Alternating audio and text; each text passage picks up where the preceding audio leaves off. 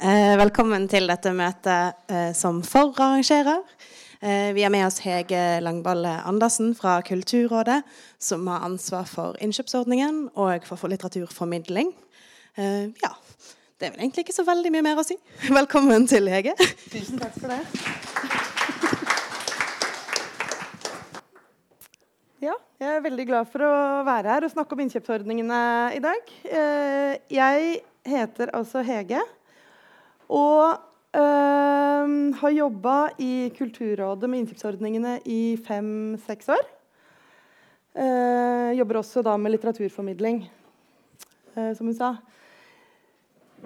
Um, før jeg i, uh, begynte å jobbe i Kulturrådet, så jobba jeg i Norsk faglitterær forfatter- og oversetterforening med å jobbe fram en innkjøpsordning for sakprosa i Kulturrådet. Og før det igjen så Eh, skrev jeg en uh, hovedfagsoppgave om innkjøpsordninga for Essaystikk, som eksisterte for uh, lang tid tilbake. Så jeg, jeg liksom har fulgt innkjøpsordningene over ganske lang tid. Uh, ja, jeg må bare fortelle også at I forbindelse med at jeg skrev den hovedoppgaven om Essaystikk, så hadde jeg et, en av mine fineste bergensopplevelser. For da intervjua jeg masse folk rundt omkring og spurte hva de oppfatta som essaystikk. Og da uh, fikk jeg også lov til å komme hjem til Georg Johannessen og snakke om essaystikk hjemme hos han. Uh, det var en fantastisk opplevelse. Beste bergensminne. ja. Men jeg skal altså først og fremst snakke om innkjøpsordningene. Men jeg skal også sette det litt inn i en kontekst. Så jeg vil snakke først litt om Kulturrådet, om Norsk kulturfond. Jeg fikk eh, i oppdrag å si noe om hvordan Kulturfondet ble, eller hvordan det kom i stand. Og så skal jeg snakke litt om de andre litteraturstøtteordningene som er i Kulturrådet, som virker sammen med innkjøpsordningene. Og så skal jeg snakke om innkjøpsordningene for skjønnlitteratur og sakprosa, hovedsakelig, som er de to største innkjøpsordningene. Og litt om framtida. Og så blir jeg veldig glad hvis dere har uh, spørsmål. Jeg tenkte også um, Altså, jeg liker egentlig best sånne litt uformelle sammenhenger. sånn at Hvis dere har lyst til å stille spørsmål underveis, også, så gjør gjerne det. Hvis, jeg, uh, hvis, det er noe som er uklart, eller hvis det er uh, ting dere lurer på, så tar vi det underveis. Hvis ikke så sparer vi det til slutt, rett og slett. Um, ja. Da er det første hvorfor Kulturfondet som finnes. Hvorfor Kulturfondet finnes. Og det er altså i Kulturfondet eh, gjennom Kulturfondet at innkjøpsordningene finansieres nå. I eh, etterkrigstida så var det en stor krise rett og slett i produksjonen av norsk litteratur. Det var en eh, dramatisk nedgang i eh, utgivelser på norsk skjønnlitteratur. Både pga. Eh, at folk gjerne ville lese engelsk litteratur isteden. Og fordi at det kom eh, massevis av magasiner og blader og andre typer lesestoff da, som utfordra skjønnlitteraturen. Så der ser dere at det var, altså Fra 1938 ble det gitt ut 136 norske skjønnlitterære bøker. Og så var det sunket eh, ganske dramatisk da, til litt ut på 60-tallet. Så da var det eh, noen eh, visjonære kulturpolitikere som eh, gikk sammen med dyktige biblioteksfolk og skulle lage en ny eh, litteraturpolitikk for å stimulere til norsk skjønnlitteratur. Og da fikk man i stand altså en bransjeavtale med fastpris på bøker, som jo er kjempeviktig for å, at ikke ja, Rett og slett for at man skal kunne sikre at det blir ordentlig betalt. Og arbeidsstipender til forfatterne. Og en innkjøpsordning og et momsfritak på litteratur. Ganske store, omfattende litteraturpolitiske virkemidler som eh, kom i stand. Da. Så, det er jo veldig interessant å se for seg at disse Altså, ville man kunne opprette samme type støtteordninger eller eh, virkemidler i dag? Det er jo vanskelig å se for seg, kanskje. Men da var altså innkjøpsordningene en av de tingene som kom eh, i stand. Og det var etter forslag fra en som var biblioteksjef på Deichman, som het Henrik Hjartøy, som uh, kom på det at ja, men hva hvis vi sender uh, ett uh, eksemplar av all ny norsk skjønnlitteratur rundt til alle bibliotekene i Norge? Da vil man jo sikre at både forfatterne får betalt for de bøkene, og forlagene får solgt bøkene, og folk får tilgang på ny norsk skjønnlitteratur. Og det kom i stand. Og da var tanken at uh, folk skulle lese kvalitetslitteratur da, framfor den andre uh, engelske, litt ja, laverestående litteraturen eller bladene og magasinene som de helst ville. Og sånn, det er en sånn grunnleggende tanke at gjennom innkjøpsordninger så skal man gi folk det de ikke helt veit at de vil ha. eller å ja, stimulere og utfordre, da. Ja, og um, Ja, jeg trenger ikke å si så mye om det. kanskje. Det var, altså, det en, altså, Alfred Fidjestøl har skrevet en uh, bok i forbindelse med Kulturrådets 50-årsjubileum som heter 'Et eget rom', som, uh, hvor dette er skrevet veldig godt og veldig utfyllende. om Jeg kan anbefale den boka. Så da var uh, innkjøpsordningen for ny norsk skjønnlitteratur for voksne rett og slett årsaken til at man oppretta det som heter Norsk eh, kulturfond. Og så blei eh, Kulturrådet oppretta for å administrere Kulturfondet. Så pga. denne utrolig gode ideen til denne biblioteksjefen så ble dette veldig raskt til praktisk eh, politikk. For det var jo også politikere som var opptatt av å få dette raskt ut i livet. Eh, og så kom det på plass. Og ja, jeg kommer tilbake til det. Det, har, det, er noen få endringer som har skjedd, men prinsippet i dag er jo det samme som det var den gangen. Så det var, og Vi har flere ganger i Kulturrådet prøvd å tenke sånn, finnes det en lurere måte å gjøre dette på, hvis man skal liksom prøve å tenke det helt fra bånn av. Det har ikke vi klart å komme opp med gode alternativer til ennå. Ja. Så ja, Innkjøpsordningen var eh, utgangspunktet, og nå har Kulturrådet også, som ellers et stort Oi, det var jo veldig dumt, akkurat det. Glemte å skru av lyden. Um, nå har Kulturrådet et stort og bredt ansvar for at kunst og kultur skapes Nei, men vent, da. Bare unnskyld meg litt mens jeg skrur av uh, lyden.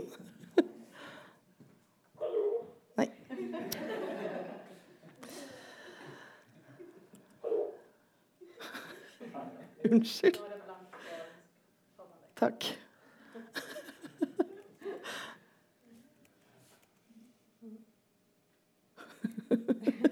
Bra ikke den personen visste at det var Sånn. Da vi på plass igjen. Ja Hva skulle jeg si? Jo.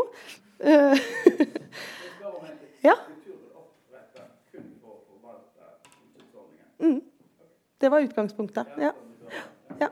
Sånn i begynnelsen, ja. Og så er det etter hvert nå også da sånn at eh, Kulturrådet ansvar for museumsmidler og Statens kunstnerstipend og Fond for lyd og bilde og veldig mange andre ting enn eh, Kulturfondet.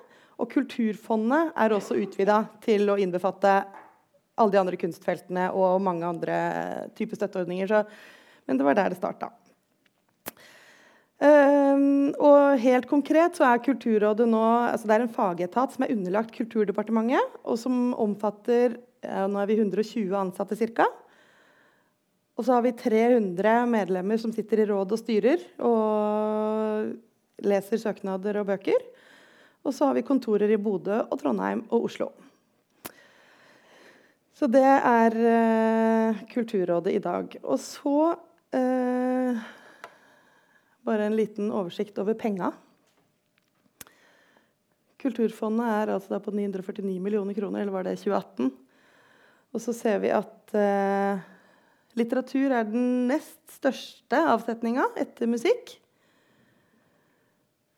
Men altså på 187 millioner kroner i året. Det er ganske mye penger som går ut hvert år til eh, litteratur. Og hvis noen lurer på hva allmenne kulturformål er, en litt sånn diffus eh, post, så er det eh, litt ymse. Tverrfaglige tiltak og det som ikke er rom for kunst, som går til kunst- og kulturbygg. Ja, og noen andre ting. Jeg trenger ikke å dvele for mye ved det. Og så er det I dag så er vi seks stykker i Kulturrådet som jobber med litteratursaker i fagadministrasjonen. Og så har vi et fagutvalg for litteratur, som er det øverste organet i litteratursaker. Eh, som sammen med oss i administrasjonen avgjør hvordan de penga som er satt av til litteratur, skal brukes på best mulig måte. Eh, det er Anne Oterholm som eh, leder Faglig utvalg for litteratur. Og i det utvalget, som i de andre utvalgene i Kulturrådet, så er det poenget at det skal være sammensatt, bredt sammensatt da, fra ulike roller i litteraturfeltet. Sånn at man skal få med nødvendige perspektiver inn der. Eh, sånn Overordna så er metoden til Kulturrådet å forsøke å finne virkemidler og ordninger som liksom er i takt med utviklinga og behovene i feltet. Uh, og samtidig prøve å se liksom, de lange linjene og det store bildet. Og vi skal ikke nødvendigvis være pådrivere for å liksom, lage endringer, men vi skal ta imot innspill og initiativer fra organisasjoner og fra andre som kommer til oss. Og så er styrken til kulturen at vi kan se en helhet, da, både geografisk og på tvers av sjanger og på tvers av leddene i det litterære kretsløpet.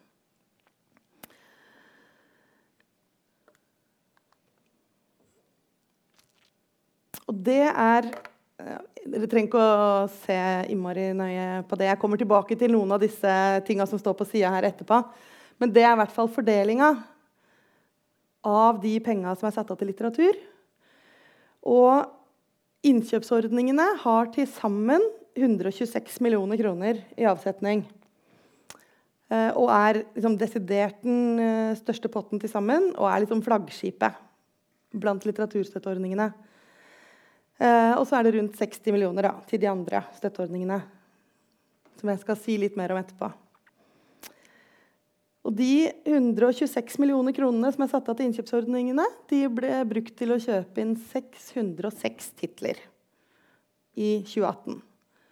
Som ble spredd rundt omkring til alle landets bibliotek.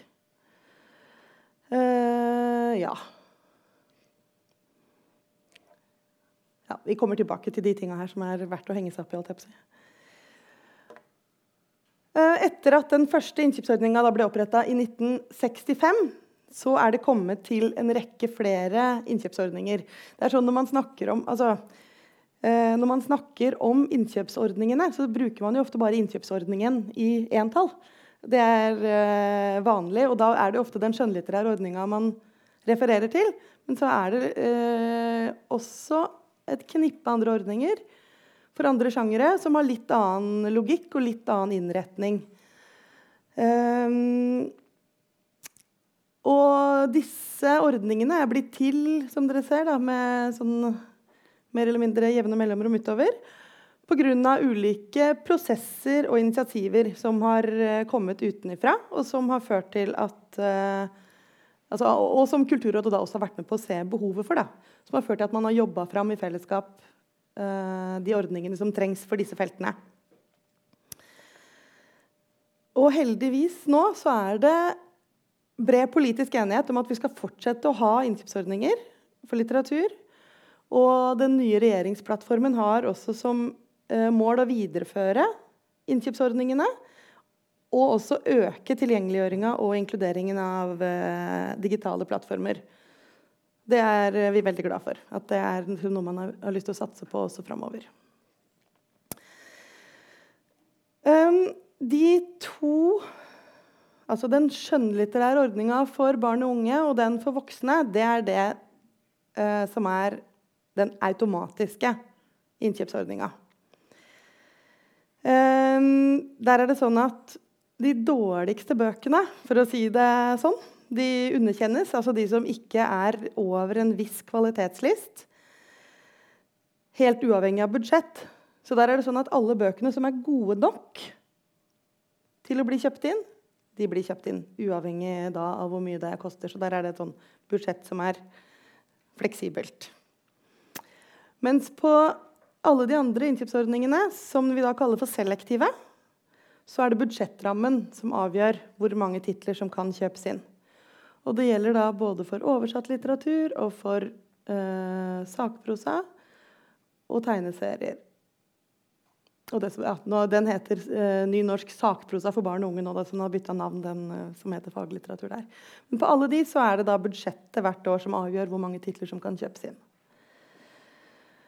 Um, alle disse ordningene har egne vurderingsutvalg som tar imot og leser uh, bøkene. På oversattordninga så er det prosjekter, men på alle de andre, altså prosjektbeskrivelser, da, ikke ferdige bøker. På de andre så sitter det vurderingsutvalg og leser uh, alle bøkene som blir meldt på. Og vi har til sammen åtte vurderingsutvalg med ca. 40 personer som har som uh, verv da, å sitte og lese alt, uh, alle disse bøkene. Uh, og det er noe av det som er det aller morsomste med min jobb. er Å sitte inne og høre på de diskusjonene i vurderingsutvalgene. Og, for der er det er veldig interessante diskusjoner om hva som er litterær kvalitet i de ulike sjangerne. Mm. Um,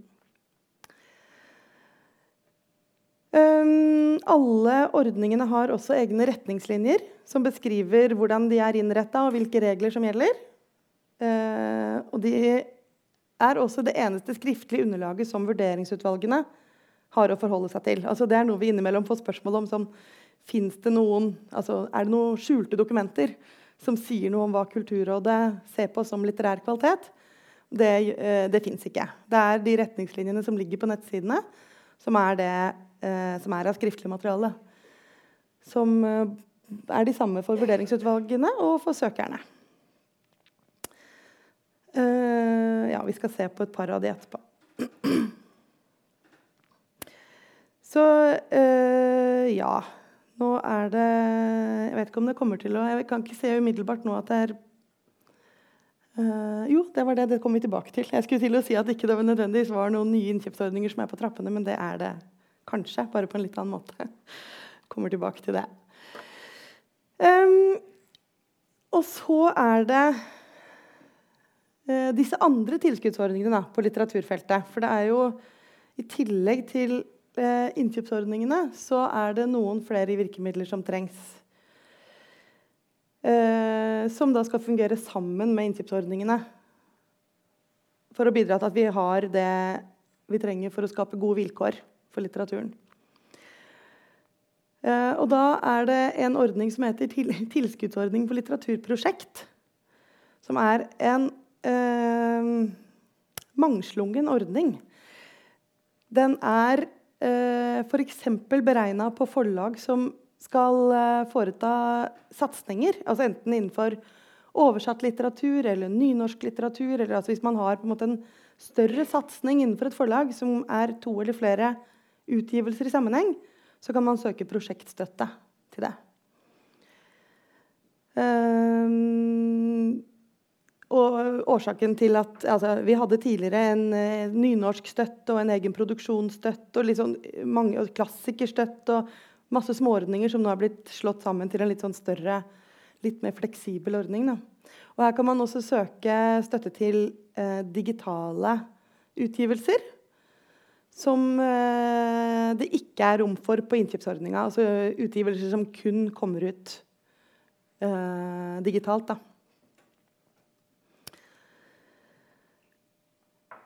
Og her er vurderingsmaterialet eh, prosjektbeskrivelse.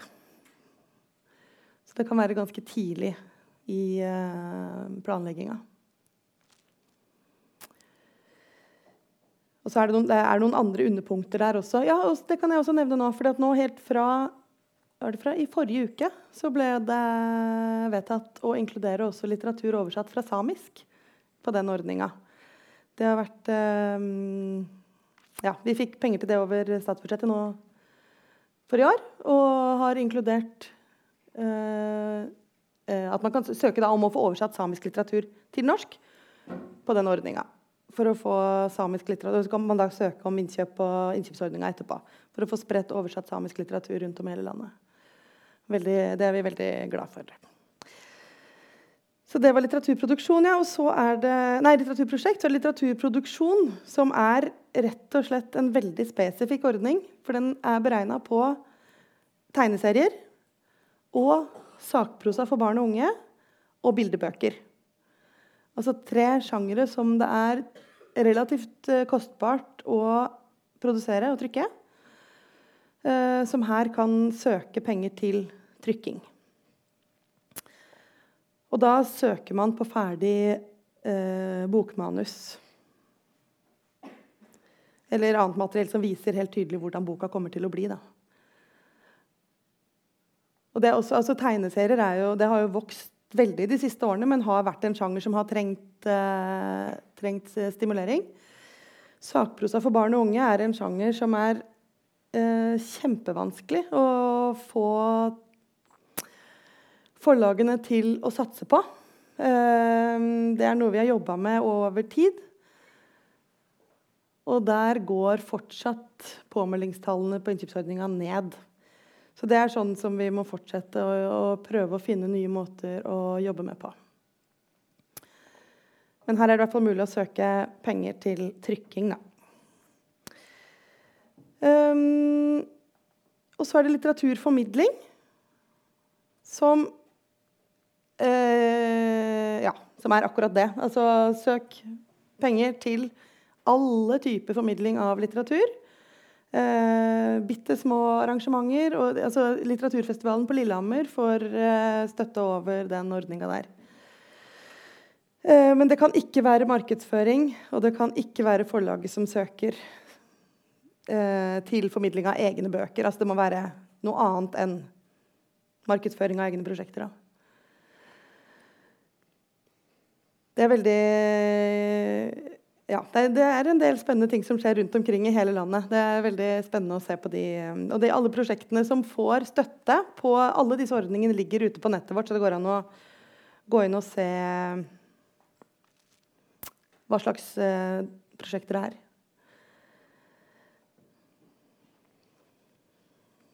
Jeg tror jeg må koble til strømledninga likevel. Jeg. Sto plutselig så Beklager. Dere tenke på om det er noe å spørre om i mellomtiden?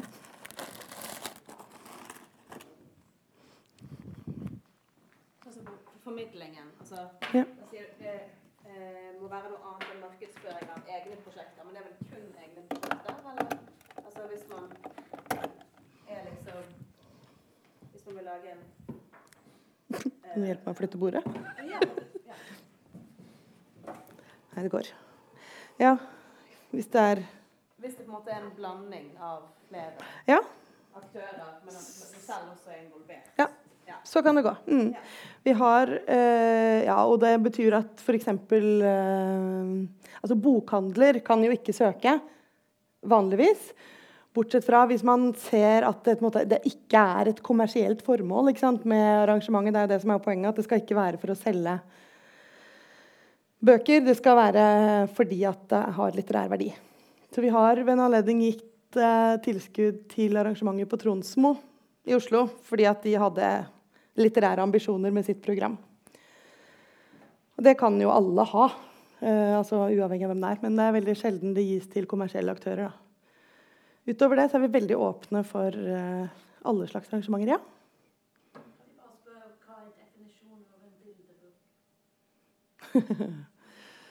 Eh, det kan du spørre om. Nei, det er, et, det er en bok hvor Jeg tror det skal være bildeoppslag på hver side. og så hvor bildene er det bærende elementet i boka. Da. Det er, um, det er, litt forskjellige definisjoner avhengig av hvilke støtteordninger man snakker om. Men nå snakker du om på produksjonsstøtten. Ja. Det skal være bildeoppslag på hver side. Og så er det jo på en måte så avgrenses det jo mot tegneserier også innad i produksjonsstøtteordningen. da. Så de får jo ofte prosjekter inn der som er sånn Er dette en bildebok eller er det en tegneserie? eller hva er det for noe? Men da er det noe som avgjøres på en måte internt der. Ja. Var det et svar? Ja. Um, ja. Og så til slutt så har vi en driftsstøtte. Som er støtte til virksomheter Altså virksomhetsstøtte, rett og slett. Ja. Og der, der, er det veldig få på litteraturfeltet som får Fordi f.eks. For litteraturhusene får over statsbudsjettet, bortsett fra i Trondheim og i Moss. I Moss så får de, altså House of Foundation får eh, driftsstøtte her. Og det får også Bjørnson Akademi i Molde og Tidsskriftforeningen og IBBI, som formidler barnelitteratur. Men først og fremst så er det Lesersøker Bok og Foreningen Les som får driftsstøtte herfra. Um, men det ja. Det er en relativt liten ordning, da. På visuell kunst og scenekunst og sånn, så er det mye større ordning. Så Det var de ordningene jeg tenkte jeg skulle snakke om da, i tillegg til innkjøpsordningene. Jeg vet ikke om det er noen flere spørsmål til de. Vi kan jo komme tilbake til det også hvis det er uh, ønske om det. Eller dere kan komme bort og spørre meg etterpå også, for så vidt, hvis det er konkrete spørsmål dere har. Og så tenkte jeg da at jeg skulle snakke om innkjøpsordninga for skjønnlitteratur. Um, som fortsatt har det samme formålet som den hadde i 1965. At det skal bli gitt ut og spredt og lest ny norsk skjønnlitteratur. Og at innkjøpene skal samlet bidra til en stor bredde i den norske litteraturen. Eh, her er det norske forlag, altså, eller utgivere, da, som kan søke om innkjøp av bøker innenfor sjangrene roman, novelle, kortprosa, lyrikk, dramatikk og bildebok. Um, ja, og forlag og utgivere. altså Utgivere kan jo være så det er institusjoner som gir ut uh, bøker, eller det kan være at man utgir sine egne bøker. Det ser vi også mer og mer av. Og der er det faste frister eh, tre frister i året som man skal søke til, og det må søkes før boka gis ut. Um, og det er vi veldig strenge på. Det får vi ofte spørsmål om. Om ikke vi bare kan ta denne ene boka utenom fristen. Men det er vi er veldig, veldig firkanta på akkurat det. Um, ja, det er frist i februar og i mai og i september hvert år. Og så er ordninga automatisk, sånn som jeg sa i stad. Så alt som er godt nok, kjøpes inn. Og det betyr, det ser vi her, der er det norsk skjønnlitteratur for voksne er dette, da. Fra 2014 til 2018 så ser vi at det er mellom 76 og 87% av bøkene som meldes på, som kjøpes inn. Eh, akkurat Det står stjerne ved de titlene for 2018, for der er det enda noen titler som ikke er ferdig behandla. Så den prosenten kommer kanskje til å øke bitte litt. Kanskje. Men eh, det er jevnt over altså et veldig høyt eh, antall bøker. Altså et høyt prosentandel som blir kjøpt inn. Så, og så kan man lure på hvorfor det heter automatisk når det ikke er automatisk. Men det er jo fordi at den er langt mer automatisk enn de andre selektivordningene. Eh, helt i starten da innkjøpsordninga ble oppretta, hadde man ikke noe kvalitetskrav i det hele tatt. Og så det skjønte man ganske fort at man må på en måte ha en sånn minsteterskel uh, for hva man kan gå god for at blir sendt ut til bibliotekene. og så ser vi for barn og unge i de samme årene så det er litt lavere uh, prosentandel. Og så ser vi også at i 2018 så var det et fall i antall innkjøpte titler. Altså prosentandelen er den samme, men uh, det er færre påmeldinger rett og slett, og færre innkjøpte bøker for barn og unge. Det har vi ikke kommet så langt som til at vi har fått liksom, analysert noe ennå. For vi har akkurat disse, fått disse tallene klare. Uh, så får vi se om det er noe som vi også må prøve å stimulere på andre måter. Eller så kan det også være et unntak akkurat det året. Det er noe med å se ting over tid også. Eller så er jo altså Det som er med disse innkjøpsordningene, er at selv om de eh, Altså, de er veldig stabile, da. Påmeldingsantallet er ganske stabilt, innkjøpsantallet er ganske stabilt. Selv om det er sånn at eh, man ikke har noe eh, budsjettrammer å gå etter, så er det sant det er, eh, Vurderingsutvalgene har liksom en utvikla over tid en forståelse av omtrent hvor lista ligger for hva som, eh, hva som er godt nok til å kjøpes inn. Og det er omtrent det, samme antallet bøker som er kommet ut hvert år over eh, ganske lang tid.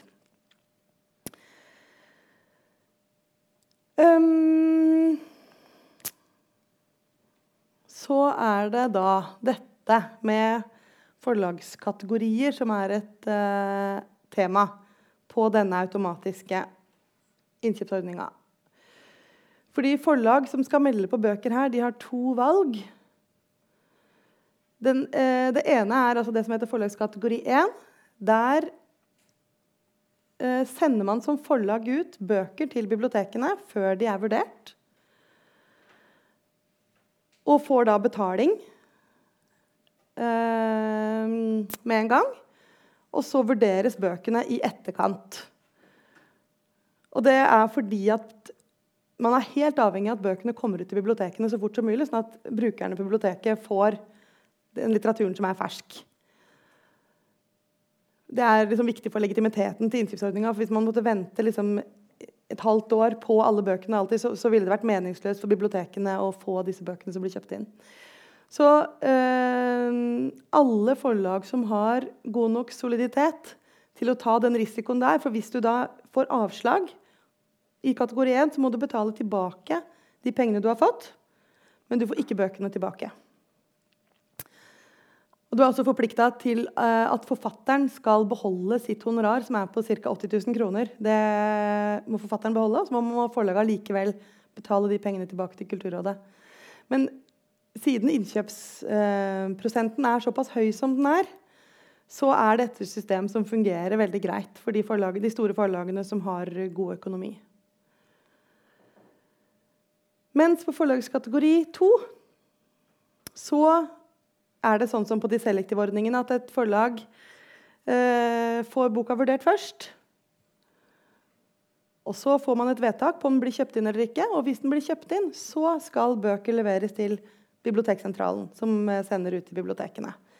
Så det er jo mye mindre risiko, da. Men eh, samtidig så er det jo et veldig viktig poeng at ikke alle forlagene melder på boka i kategori 2. For da mister hele innkjøpsordninga legitimiteten sin.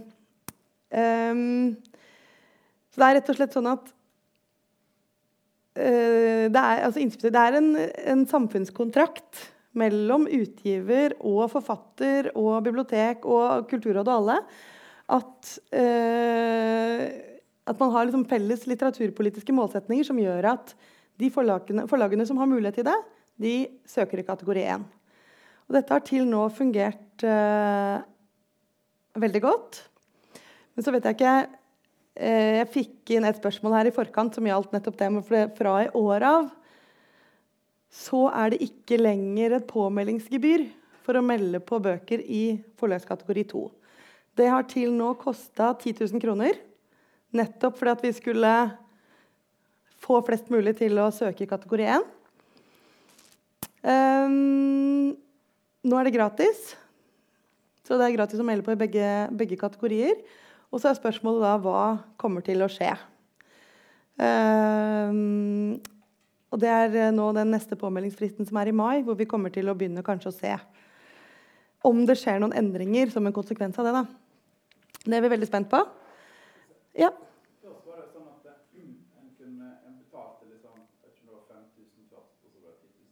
Ja. Du Ja.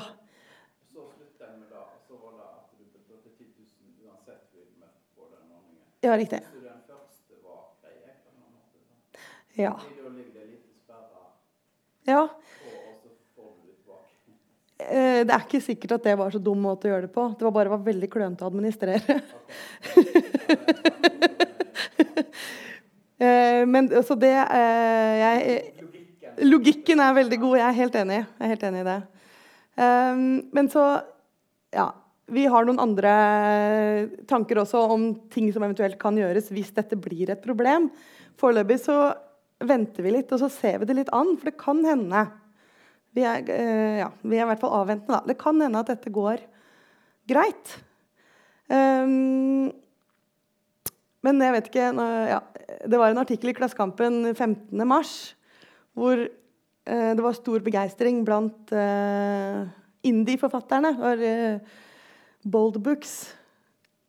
Var det nettopp Kristin Nei, unnskyld, jeg husker ikke navnet hennes nå. Hvert fall en eh, som organiserer eh, enkeltbokforfattere. Som var eh, kjempeglad for at dette gebyret nå var falt bort. Og mente at antallet påmeldinger kom til å tredobles. Eh, det tror ikke jeg at det kommer til å gjøre. Um, men det det er klart at det vil ha, kanskje, altså det vil ha en effekt da, på de forlagene som tidligere har eh, stått sånn på vippen. Skal jeg melde på dette, eller skal jeg ikke melde på dette? Kanskje man da kommer til å gjøre det. Men det er nettopp det vi må være veldig eh, Vi må snakke om i alle mulige sammenhenger. Denne, nettopp denne samfunnskontrakten som gjør at for at innkjøpsordningene skal fortsette å ha legitimitet, så må eh, man melder på bøker som man tror holder mål. Altså Det må være måte det som er utgangspunktet, at ellers så blir hele den eh, behandlingen av disse bøkene, altså disse utvalgene som skal sitte og lese alt som kommer inn eh, Hvis vi må liksom doble utvalget altså Det er noe med at kostnaden og tidsbruken og alt blir så enorm da, hvis det skal tredobles dette antallet eller dobles eller ja. så, eh, så det er noe med den, det ansvaret da, som alle aktørene her har for å ivareta ordningen. Ja. Ja, men det er vel kanskje sånn at hvis man på en måte har skrevet det man selv synes er ja. den beste boken noensinne, men ingen forlag vil gi den ut, så mm. har vel man er, er man så eh, klar over det ansvaret da? Nei. Ja. Nei, man er ikke det. Uh, og det er heller, tenker jeg eh, Det er ikke de som gir ut sine egne bøker nødvendigvis dette gjelder. Men det vi så, var at det var noen små forlag, altså de som gir ut liksom noen bøker i året, som valgte kategori 1 for å slippe å betale de 10 000 kronene på kategori 2. Og ikke da hadde satt seg godt nok inn i den risikoen det innebar. Eh, og som vi da fikk store problemer med etterpå, når de skjønte at de måtte betale tilbake de pengene. Eller de skjønte at ikke de fikk tilbake bøkene. Og det var jo det det har vært eh, var en eh, ja, slags rettssak nå i fjor, hvor det var eh, et forlag som ikke betalte tilbake penga. Som gjorde at vi har fått en jurist nå til å gå gjennom alt dette. sånn at dette nå er det liksom juridisk vanntett, dette opplegget sånn som det er nå. Og som gjorde at vi, hadde, vi har liksom gjort noen presiseringer i retningslinjene. Som bare, ja, Vilkårene kommer veldig tydelig fram. Og øh, man må også nå ha fått innkjøpt en bok i kategori 2 for å få lov til å søke som kategori 1. Så det er jo at alle nye søkere blir tvunget til kategori 2. Det syns jeg også er en veldig sånn ryddig, ryddig løsning. Da, sånn at man på en måte har vært gjennom systemet en gang først. Men, men det som du sier, altså folk som, hvis, hvis man gir ut sine egne bøker og mener at de er gode nok, selvfølgelig skal man melde dem på. Altså, det er jo kjempeviktig. Så øh, det er jo øh, overhodet ikke noe forskjellsbehandling fra vurderingsutvalgenes side. Altså, de leser alle påmeldingene på samme måte. Eh, og det eneste er hvis man er Hvis eh, navnet på forfatter og redaktør er det samme, så må man bare legge ved en bekreftelse på at dette har vært en slags form for redaksjonell gjennomgang. Eh, utover, det, det er, ja, utover det så er det ikke noe forskjell på det, da. Sånn for vurderingsutvalget. Ja. En vurdering, foreligger der en skriftlig uttalelse av en eller annen art, eller er det bare et spørsmål om innkjøp eller ei? For forelæggen tilsendt en eller annen form for lesning, eller? Nei. Ingenting. De får um, et vedtak som sier at eh, denne boken hadde ikke god nok litterær kvalitet. Okay. Mm. Så hvem, hvem er det, der er den, den, den, den materialevurdering, som så ligger til, til rådighed øh, på bibliotek, der, altså ligger der nogle beskrivelser af en enkelt bog i søgesystemerne? Og, Ja, en, eh, det ligger en, en beskrivelse bare av boken, men ikke, ikke noen vurdering av boken. udtalelse? Nei. Men det er, det er en uh, veldig stor diskusjon. For det er veldig mange forlag som ønsker seg Ja. ja. mm, at man får lektørudtagelsen tilbage fra bibliotekerne, Ja. og man bruger det til at bane vej nogle gange til presse, til festivaler, ja. fordi det er enormt gode læsninger. Men hvem er det som skriver de? Det er jo øh, Dansk Biblioteksvæsen, Ja. øh, som så har en række lektører, Ja. Det er jo en kæmpe ressource. Ja, selvfølgelig. ja. Nei, for det er, eh, Vi møter veldig ofte forlag som spør om ikke de kan få en, en, eh, et, ja, en begrunnelse, særlig hvis det er avslag. Særlig hvis de ikke blir kjøpt inn. Så vil de veldig gjerne vite hvorfor. Eh, sånn, Hva kan vi gjøre bedre neste gang? Type uttalelse. Og det er noe vi, vi diskuterer det ofte. Men det er klart, hvis man skulle si hva var godt ved denne boken, det er jo mye lettere. Sant? Det er jo det er, ja, det er lettere å si det enn enn hva sånn, peke på hva ved denne boken var det som gjorde at den ikke ble kjøpt inn. Det, det, ja, det, er flere sider ved det, da, men det ene er jo det at eh, Kulturrådet som staten skal jo ikke gå inn og si sånn 'Dette var feil ved din litt altså, Det er noe med der, det maktforholdet. da, At du vil ikke at staten skal komme og uttale seg om eh, hva som er eh, hva, altså detaljert, da, hva som er riktig og hva som er feil. Det er noe med De vurderer det litterære prosjektet som helhet. Og så kunne man eh, ja, Man kunne sikkert funnet måter å gjøre det på veldig enkelt. Men i tillegg til det prinsipielle ved det, så er det også det med arbeidsmengden. For hvis, hvis ut, vurderingsutvalgene også skulle sitte og skrive uttalelser til alle avslagene, så ja, det er en kjempestor jobb. Men, det, men dette, det er veldig interessant. Vi, vi tenker mye på det. Kanskje jeg skal gå og se hvordan de gjør det i bibliotekvesenet i Danmark. Men, men, men eh, altså Biblioteksentralen, som er distributøren, de skriver en kort tekst som handler om altså, hva slags bok er dette. Ja, som blir sendt ut til bibliotekene. Mm. Um, ja. Jeg, eh, ja, jeg tror eh, Er det noen flere spørsmål rundt dette? Vi kan jo ta mer om det etterpå også, men det er um, dette er mye av det vi bruker mye tid på å prøve å kommunisere klart ut. For at det er eh, mange henvendelser vi får rundt sånn, hvil, hvilken kategori skal jeg velge, hva, ja, hva er lurt å gjøre. Jo, jeg kan si en ting til, forresten, som er noe av det vi eh, lurer på hvordan kommer til å bli nå. Hvis, som er på en måte et sånt litt eh, sp- springende punkt. Da. Hvis det nå viser seg at det er flere og flere som bruker kategori 2, så er jo det um, veldig synd for forfatterne. Fordi forfatterne i kategori 1 får beholde sin royalty-andel. Altså de får beholde de 80 000. I kategori 2 så får ikke forfatteren betalt hvis ikke boka blir kjøpt inn. Så fra et forfatterståsted så er det kjempeviktig å følge med på denne utviklinga her. Og det, vi er veldig klar over det, så vi, ja, vi har også noen tanker om hva uh, ja, hva vi må gjøre. Men uh, det, dette blir veldig spennende rett og slett å se. Og så litt om vurderingsprosessen. Um, de øverste punktene der, altså innkjøpte bøker skal fremstå som helhetlig litterære verk. De skal ha tilstrekkelig kunstneriske, språklige og håndverksmessige kvaliteter. Og de skal ha vært underlagt et nødvendig redaksjonelt arbeid. Det er de punktene som står i retningslinjene som vurderingsutvalget skal legge til grunn for sine vurderinger. Um, utover det så er det kunstnerisk skjønn som, uh, brukes, altså som eh, diskuteres i utvalget. Og så kommer man fram til en enighet gjennom samtale og diskusjon.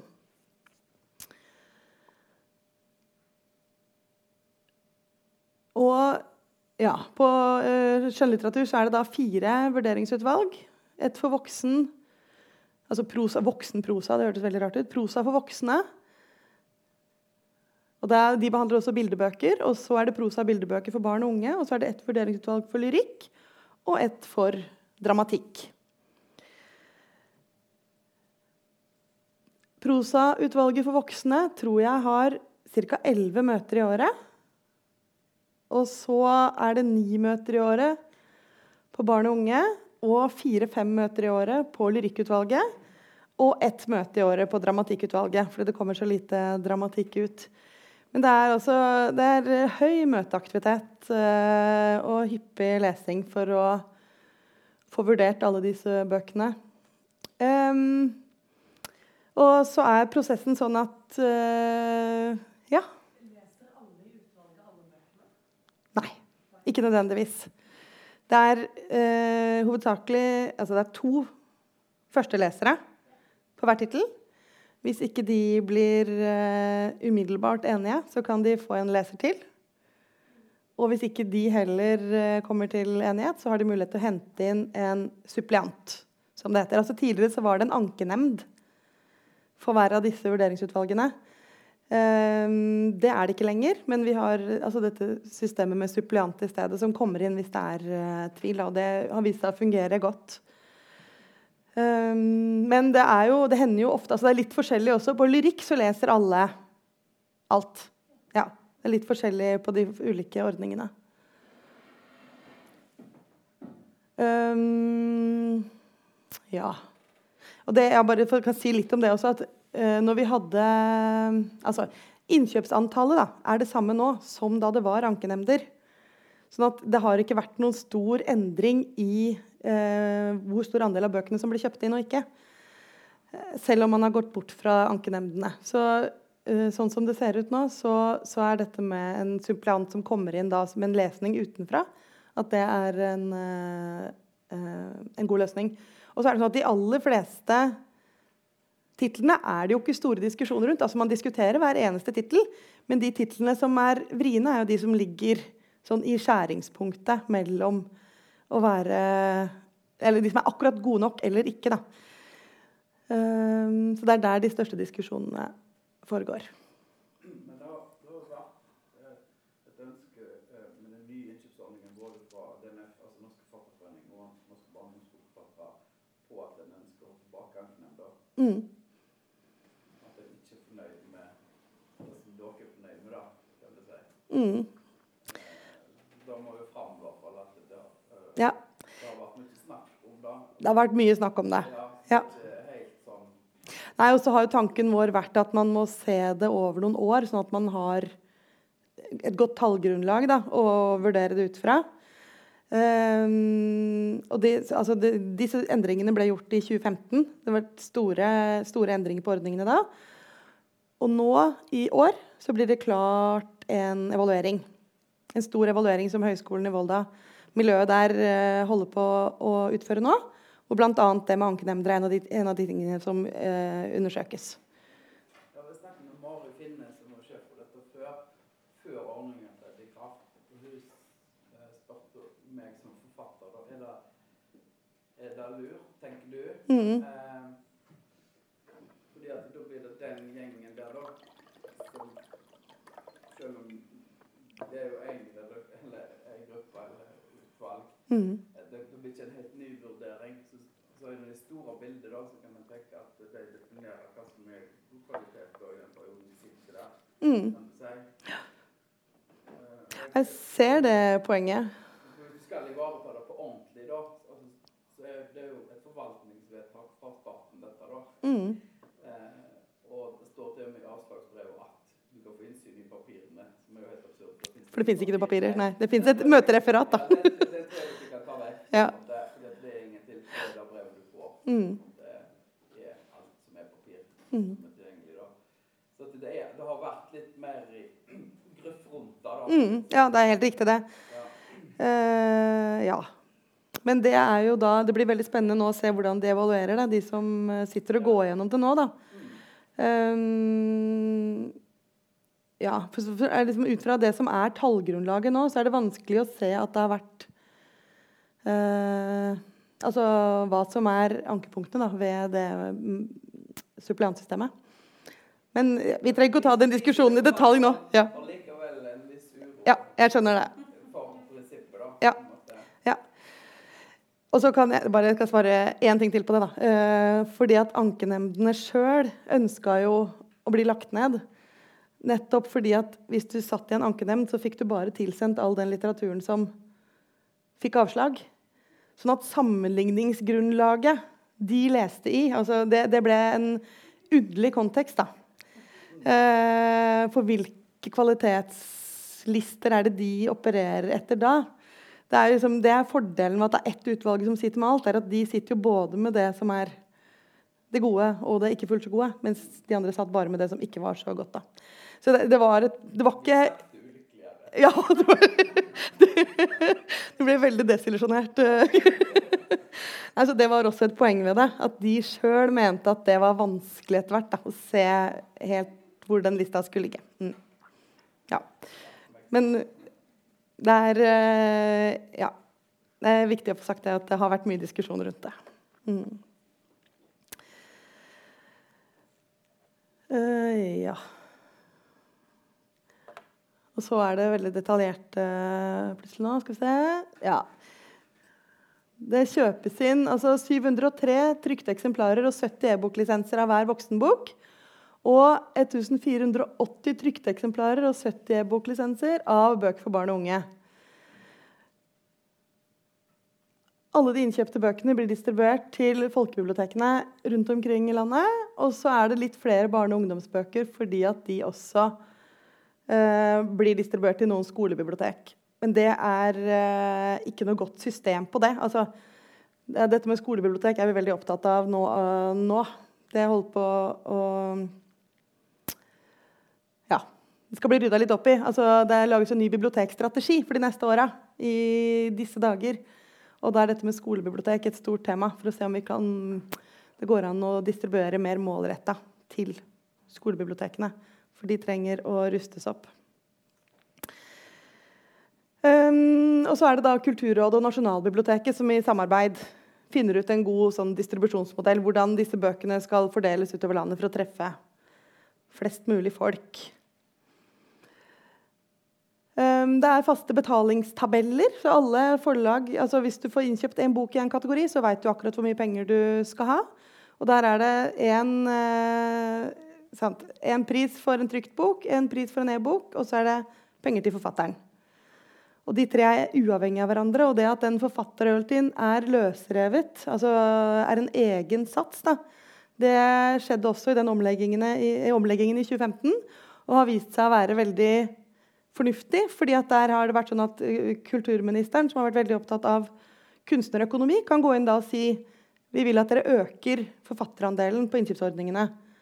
Her har dere penger til det. Altså at det kan bli mye mer målretta bevilgninger på det. da. Um, så det var en veldig god, er en god løsning å ha det sånn, syns vi nå. Så er det ryddig det med at det er faste satser. Og så vil det uh, alltid være da noen bøker altså, som ligger uh, over de satsene, og noen som ligger under. Men sånn som en, uh, et gjennomsnitt så har vi fått tilbakemelding på at det fungerer godt sånn som det er nå. Um, ja. Og så er det det med at vi ja, forutsetter at det ligger en kontrakt mellom forlag og opphavspersoner i bånn som sier noe om hvordan pengene skal fordeles.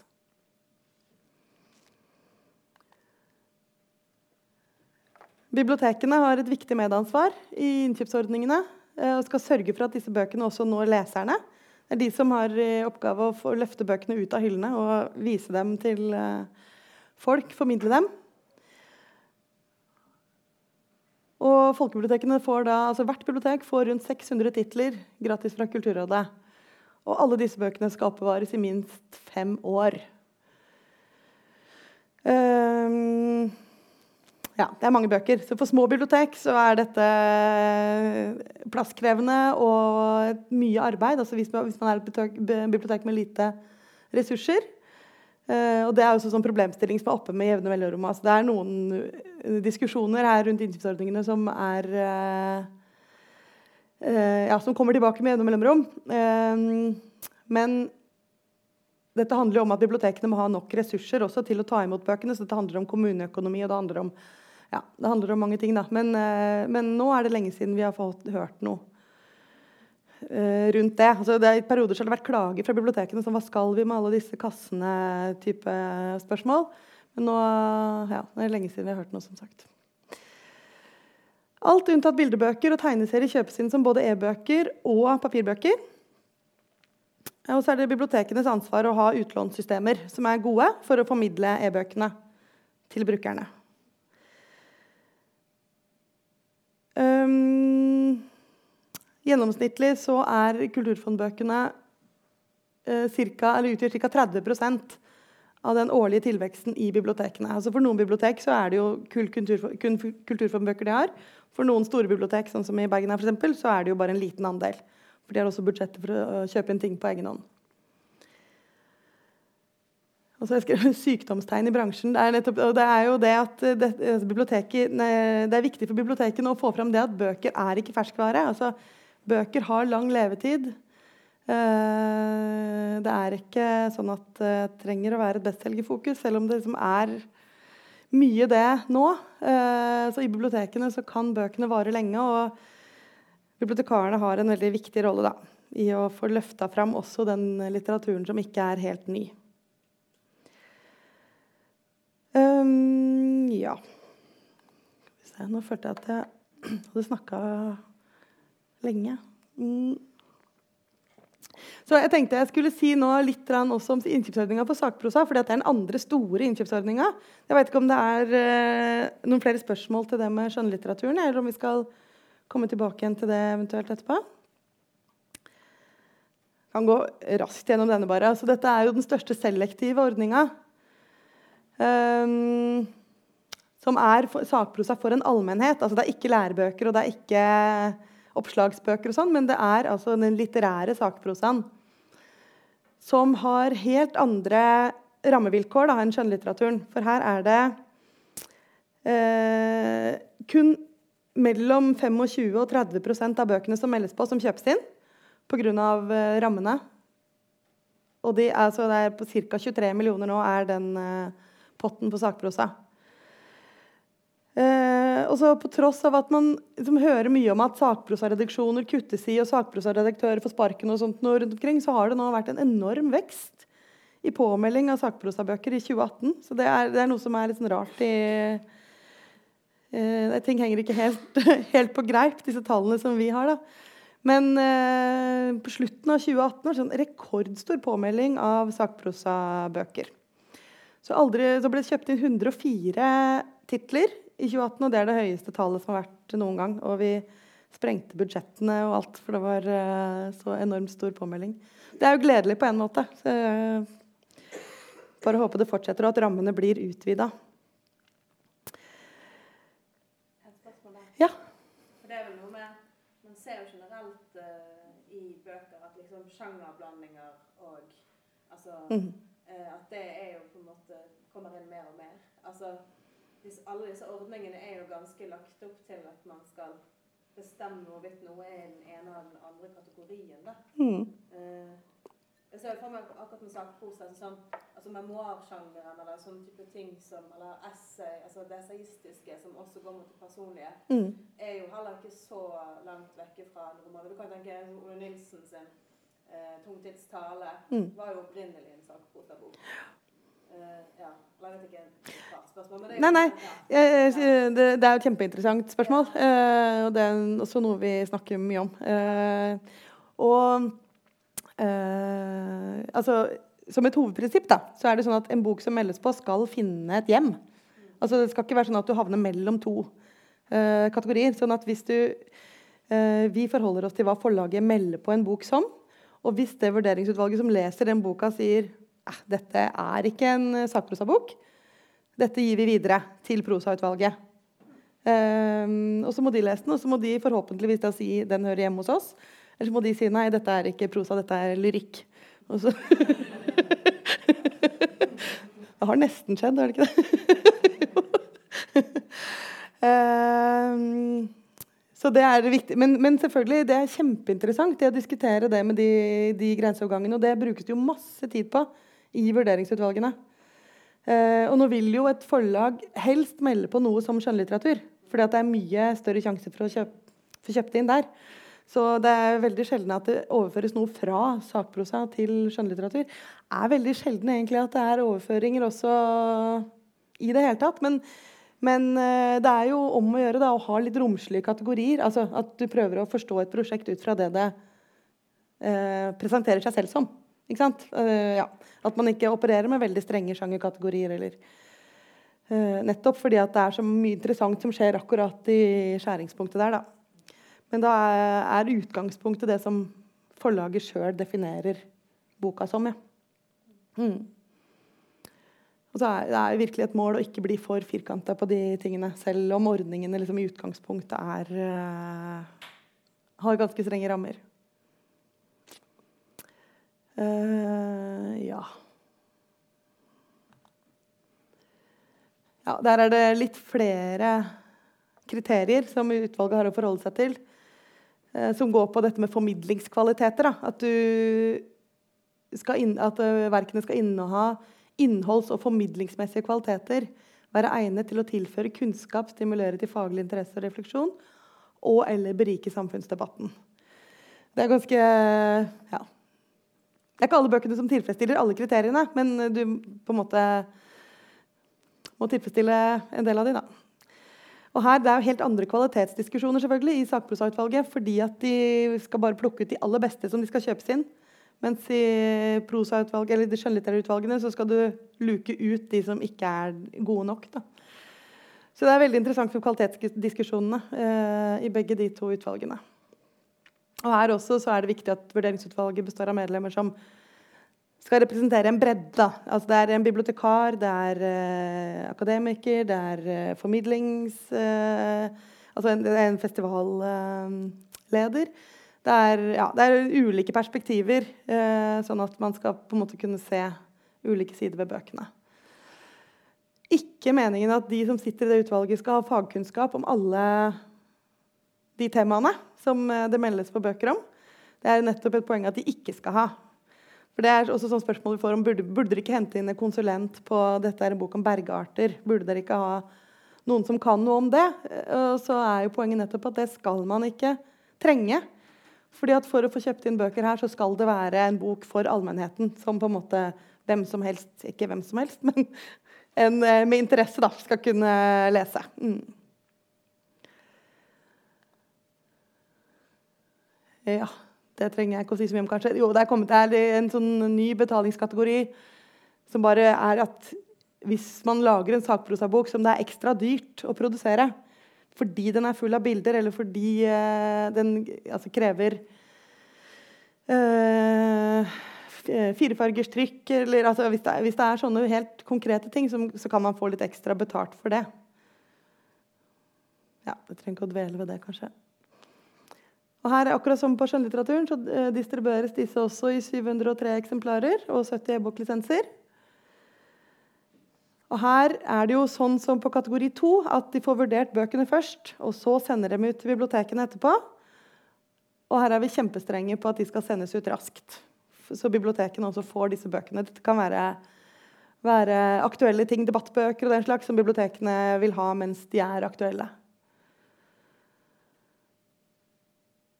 Ja, og samme opplegg med betalingstabeller og standardsatser og sånn. Og her, bare for å vise innkjøpsprosentene her da, i forhold til de skjønnlitterære ordningene, så ser vi at her ligger det på sakprosa voksne på rundt 30% Akkurat på sakprosa barn og unge ja. Der gikk det antallet behandla, nei, påmeldte titler så innmari ned i 2018. Så der ser vi at der er innkjøpsprosenten veldig høy, på 78 men det er fordi at påmeldingsantallet var så innmari lavt. Um, eller så rundt 50% på de andre. Så, så ja, betraktelig lavere i hvert fall enn på de som lå på rundt Altså i overkant av 80 da, på de skjønnlitterære. Det har jo med tradisjoner å gjøre. så Det er, det er, mye, det er mange kampsoner da, i disse tallene her. Det er mange som uh, jobber og lobber for å få utvida ordninger og inkludert og automatisert. og det er eh, Jeg vet nå for budsjettet neste, kulturbudsjettet neste år så er det flere aktører som eh, jobber for å få utvida rammene på den sakprosordninga for voksne. Og det håper vi at vi får mer penger til. Um, skal vi se Så er det litt om framtida. Um, da er det Ja. Jeg fikk inn et par spørsmål til på, i forkant som jeg kan uh, svare på. Um, det ene handla om at vi har uh, hatt I de, de siste åra har vi hatt flere dialogmøter og evalueringer og gjennomganger og sånn. Um, og hvilke erfaringer vi har med det. Og det er jo kjempeviktig det med at vi eh, vi er åpne altså vi er veldig åpne for innspill rundt disse ordningene. og Vi har nå dialogmøte på alle innkjøpsordningene en gang i året i Oslo. Og så reiser vi da rundt så ofte vi kan på, til andre steder også for å få eh, innspill. Og for å informere, nettopp fordi det er, det, det, er, viktig på en måte at, eh, at, vi fortsetter å gi disse ordningene legitimitet. Um, og den, det, som jeg akkurat fortalte om det med den, de ekstra kostnadskrevende utgivelsene på sakprosaordningen, det kom i stand fordi at vi satt på et dialogmøte, og så var det en forlagsredaktør som rakk opp hånda og sa har dere tenkt på kanskje å ha en egen kategori for kostnadskrevende bøker? Uh, altså, ja, det var en kjempegod idé. Og så satte vi oss ned og jobba gjennom det, og så oppretta vi det. Så det, vi er veldig lydhøre for gode ideer, og det er jo viktig altså Forlagene må, vi, altså vi må jo være på lag, på en måte. Eh, viktig at vi klarer å ha ordninger som er eh, gode for alle parter. Og det var det ene. Og så eh, skal vi se Ja, og så var det et spørsmål til som gikk på det med Ja, nå jeg tar det med kunstbøkene først. Ja. For det har vært ehm, jobba med en liten stund uh, å prøve å få oppretta en innkjøpsordning også for kunstbøker. Som jo er uh, bøker som går utenom de litter, vanlige litterære kretsløpene. Altså finnes i andre typer bokhandler, som produseres av andre typer, altså ikke nødvendigvis forlag heller, men institusjoner eller uh, Ja. Så jeg har vært med på å jobbe litt med det. og Vi har sammen, hatt noen innspillsmøter og sånn med bibliotekarer fra uh, ikke hele landet, men fra mange bibliotek. hvert fall.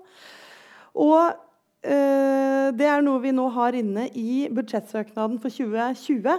Har Kulturrådet inne en eh, argumentasjon for å få oppretta en innkjøpsordning for kunstbøker. Så det er konkretisert så, så godt man kan da, akkurat nå.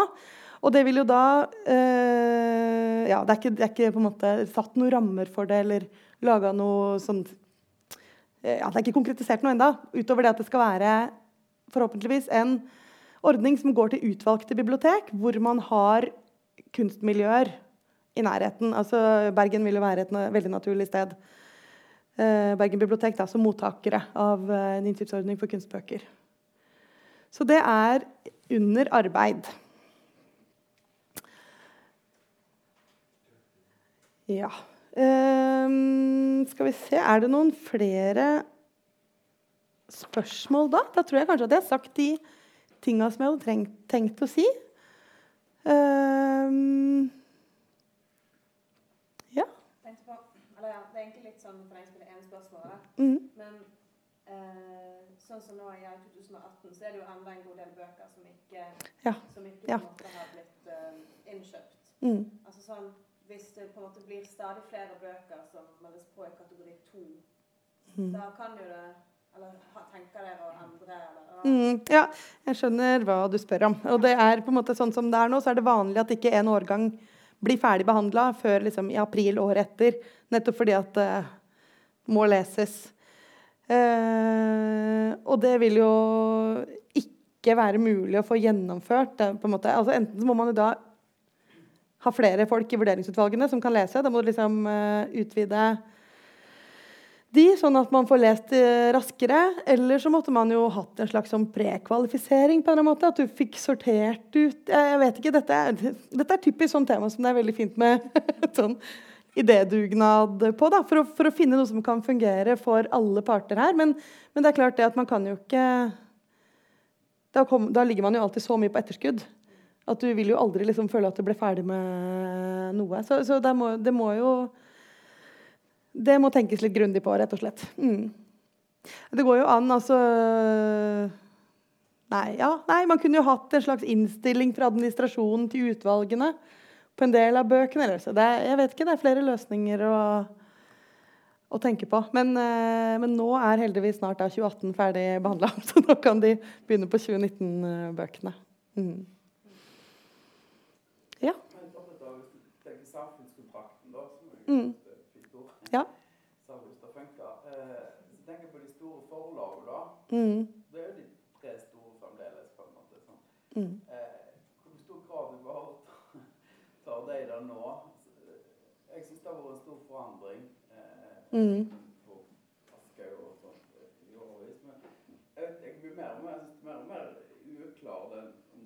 veldig alvorlig den samfunnskontrakten som de sier da. Jeg tenker I møte med dere og sånt, de er jo i Oslo, og dere er i Oslo, så har du jo veldig sånn de har jo ganske mye makt, og de er jo dødsrutinerte. Jeg hørte i dag på at eh, salg av skjønnlitteratur har gått ned med 9 eh, i forhold til første kvartal i fjor. Mm. Det er jo ganske mye. Det er ganske mye, ja. Men måten de svarer på, er nett som eh, um, Jeg tenker som eh, det der meg, sånn meglerhus hvis, markedet raser, da, mm. så vil jo det bare si at det er en liten justering. Ja. Vi følger med. Altså, det, det, er sånn der at du kan tenke litt hva de faktisk sier. Så er det jo egentlig ganske dramatisk. Og jeg reiste veldig mye rundt og har skrivemønnsbarn om da. Eh, da kan jeg snakke om en syk mor her nå, viser det seg. Men, men i hvert fall, jeg syns det er helt utrolig dramatisk fall i lesing blant unge mm. de siste tre-fire åra. Mm. Helt enormt. Og de vet ikke om Harry Potter er på i det er helt nytt for meg. Jeg har, jeg har 150 klassebesøk i året. Mm. Det er altfor masse. Jeg har ikke men, men det får en sånn overfladisk, brei greie. da. Jeg stiller de samme spørsmålene nå. Ja. Eh, og de, de, de, leser ikke, altså. De leser ikke på fritida. Så den vanlige skjønnlitteraturen som jeg koste meg med, mm. som gjør at jeg er glad i bøker, mm. det er nå underlagt skoleverket. Mm. svarer svare på spørsmål. Eh, hva ville du gjort mammaen din bla, bla, bla? Jeg skal redegjøre for leseopplevelsen, skal skrive rapporter, bla, bla, bla. Og sakte, sakte så blir dette mindre og mindre personlig på en måte som en leseopplevelse er. da. Mm. Og, og, jeg tenker Summen av dette gjør at jeg bare grøsser på ryggen. For det har skjedd så fort. Mm. Jeg snakker med bibliotekaren. altså Min generasjon, da, jeg er født i 68, har et har mer eller mindre 50 eller 70 000 norske ord som vi forstår å bruke. Mm. Hvis vi er litt sånn stort, ser stort på det. En ungdom i første videregående i dag har et ordforråd mellom 15 og 20 000 ord. Så fuglene dør, insektene dør, språket dør. Men ungdommene blir veldig gode i engelsk. Ja. Det må du tenke på. Å oh, nei. Ikke, selv ikke det? Nei.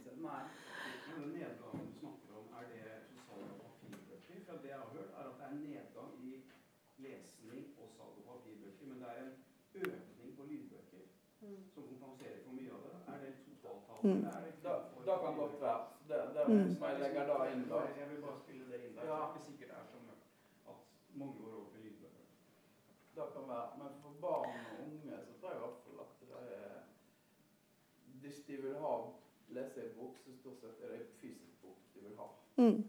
De assosierer ikke skjerm med lesing. Da er det lyd og bilder. Og, så. og, og det er ganske sånn Mitt pitch har jo vært på at du skaper ditt eget galtvort inni hodet når du leser en bok. Men flere og flere sier jeg ser ingenting i hodet, jeg må se filmen. Så en del sånne ting får jeg liksom ja. Mm.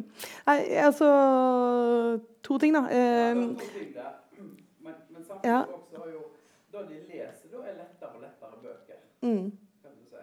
Vi skrev jo særoppgave om eh, Bjørnboe og Ambjørnsen og sånt, men nå skriver de om liksom Pingles dagbok. Altså. Mm. Ja, spørsmålet er jo hva, hva, gjør vi med dette? Altså hvordan uh, Ja.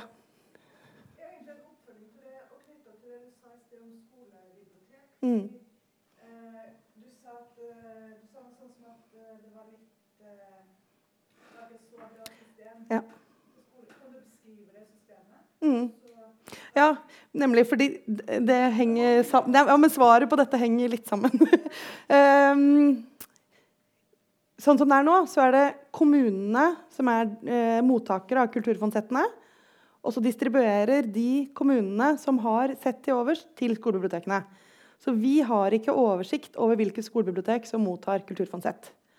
Eh, og vi vet ikke i hvor stor grad det skjer. Men eh, jeg nevnte i stad denne bibliotekstrategien som skal lages for de neste fra altså 2020 til 2023. Og jeg sitter i den eh, referansegruppa der. Og der kan du tro vi har hatt ganske interessante diskusjoner om akkurat de tinga som du tar opp her. For det er jo på en måte en virkelighetsbeskrivelse som det er flere som er enig i. Og så er det sånn, hva gjør vi med det? Og da er nettopp skolebibliotekene et satsingsområde. Um, at er, man må gå inn hardt og tungt helt fra starten av på skolebibliotekene for å uh, både sørge for at de har bøker, altså fysiske bøker eh, som gir en valgmulighet til elevene. Og du må også ha skikkelig, skikkelig gode skolebibliotekarer som kan formidle de. Eh, og det er en sånn rørende enighet i hele den strategigruppa om hvor viktig dette er. Så dette, jeg, så dette kommer til å bli et tema framover. Helt sånn konkret da, på akkurat det med skolebibliotek. Og det, jeg tenker at det er eh, hvert fall en, en av de riktige veiene å gå. Mm. Og så er det dette med hva slags litteraturformidling da, som ville bite på disse ungene. Som jo også er, det er liksom interessant å tenke på. Hva, hvordan skal man formidle en bok for at de skal kunne få lyst til å lese? Sant? Må det være ja, Jeg har en sønn på 13 år sjøl. Han ser bare på YouTube. Det er det han driver med. liksom. Må du få liksom, en av disse som han ser på på YouTube, til å anbefale en bok? For at han i det hele tatt skal kunne vurdere det? liksom? Eller sant? må du begynne å sponse en? Jeg vet ikke, altså, Man kan jo tenke seg mange artige løsninger. da. Ehm, som, man, som egentlig er veier man ikke har så lyst til å gå. uh, medierne gør. Mm. Den nyeste forskning viser, at hvis du kigger på en skærm, så, så går det en halv time, før dine øjne kan fokusere Mm. på en bagside. ja. Så det er jo helt, det er jo, det er jo Det er fysisk. Ja. Mm. ja, det, det er kropsligt. Mm. Så man ændrer den der kulturpolitik i forhold til, hvad der er tilladte brug og redskaber. Mm. Så, man, man, man, så kan man bare proppe bøger i hovedet på folk. Det nytter jo ikke, hvis de ikke kan fokusere på, hvad der står. Det skal man jo lige erkende. Ja, må først ha sånne fysiske øvelser for å få komme i ja. Nei, men det, det er kjempeviktig, og man må vite, man må kunne de tingene. Man må ha den kunnskapen det krever. Men ja. Ja. Jeg skulle bare svare på egentlig med det med lydbøker også. Men du kan godt spørre først. Ja. Nei, for det, lydbøker er jo også et kjempestort tema.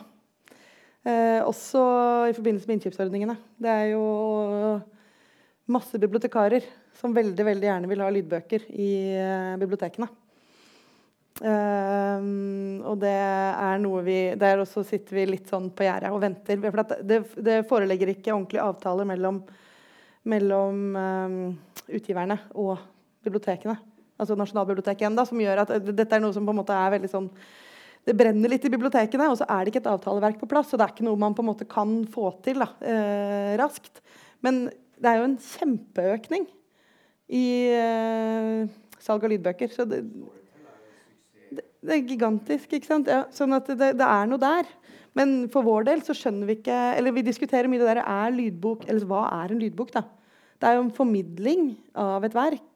Det er jo ikke en originalutgave. Sånn og en innlesing av et verk, det er jo på en måte noe annet. da. Altså hvilke kvalitetsvurderinger ja. Det er jo mange ting rundt det som gjør at det liksom ikke er Det er ikke bare å si sånn ja, vi skal ha lydbøker også på innkjøpsordningene, f.eks. Mm. En ja, framføring. Ja. Men skulle du spørre først? Var det en oppfølger? Ja.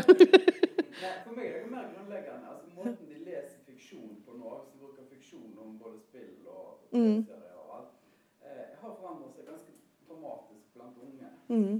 Det er mye sånne der ting som står i lærebøkene Ja. og karak- personkarakteristikk.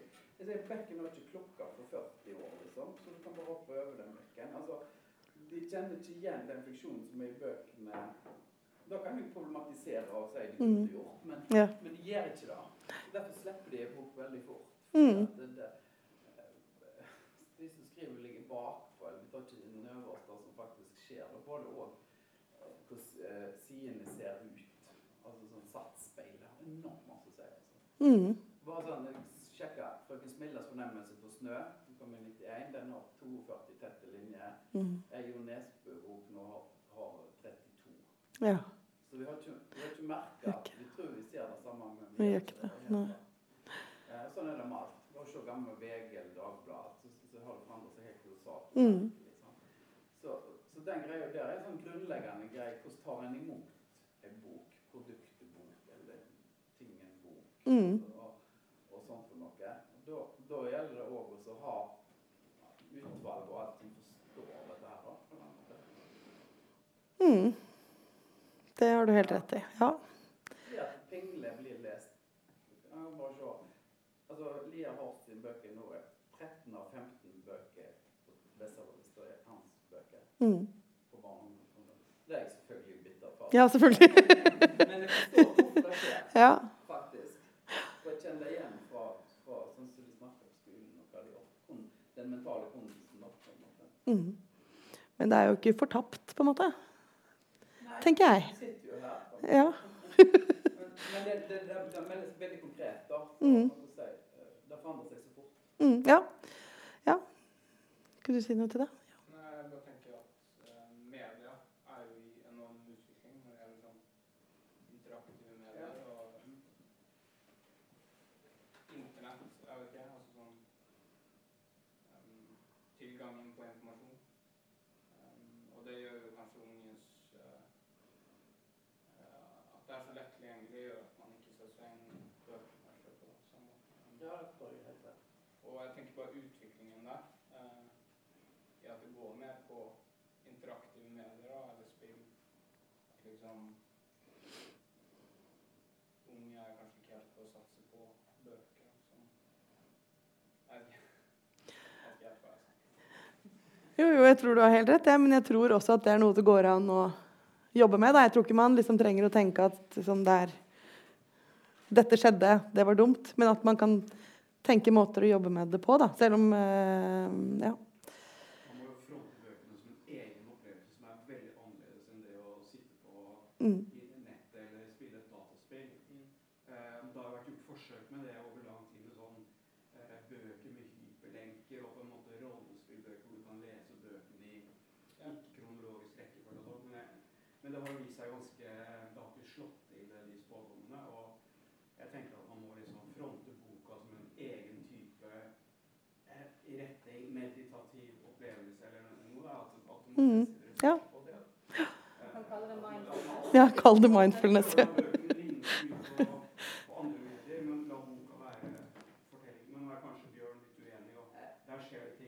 enig i at Kall har sin egenverdi, og hvis du greier å få den inn, så, er det fantastisk. Eh, men, men en må med altså, Vi må lese den tida en lever i, hva en orker å inn. Altså På mitt skolebibliotek på Bømlo der var alle bøkene enten burgunder, blå eller grønne. Eller grønne, ja. Mm. Husker dere det? Altså, det var ikke mye sexy opplegg å gå inn der og ta i bok. Det var ikke baksidetekst engang. Du måtte bare Det var litt kult òg, men, men så kom skikkelig cover. Og det, det, hvis du går i engelsk bokhandel, så kan du se hva som helst bok. Hvor mye ressurser som brukes på et cover. Mm. For det er, det er speed, Unge har speeddating med bøker. De ser på boka. Eh, ikke kult. Eller kult. For å gå videre, liksom. Ja. Men det, det er klart at det er utrolig store endringer altså i alle i, i mediene og i litteraturen og i musikken. Og, altså, vi er inne i en tid med veldig veldig store endringer. og jeg tror ikke på en måte, Det er ikke så lett å ligge i forkant av det.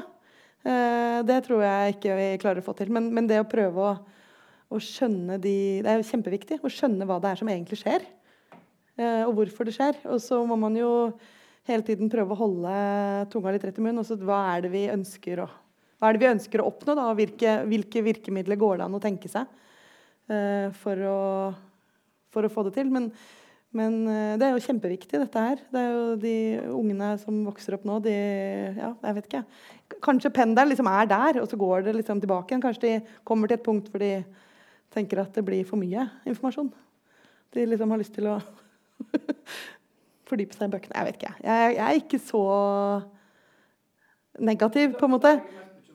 Klasseskille Mm. mellom de som leser og får tak på det, Mm. så de som bare konsumerer, på en måte. Mm. Det. Er jo ikke så bra, tenker jeg. Nei.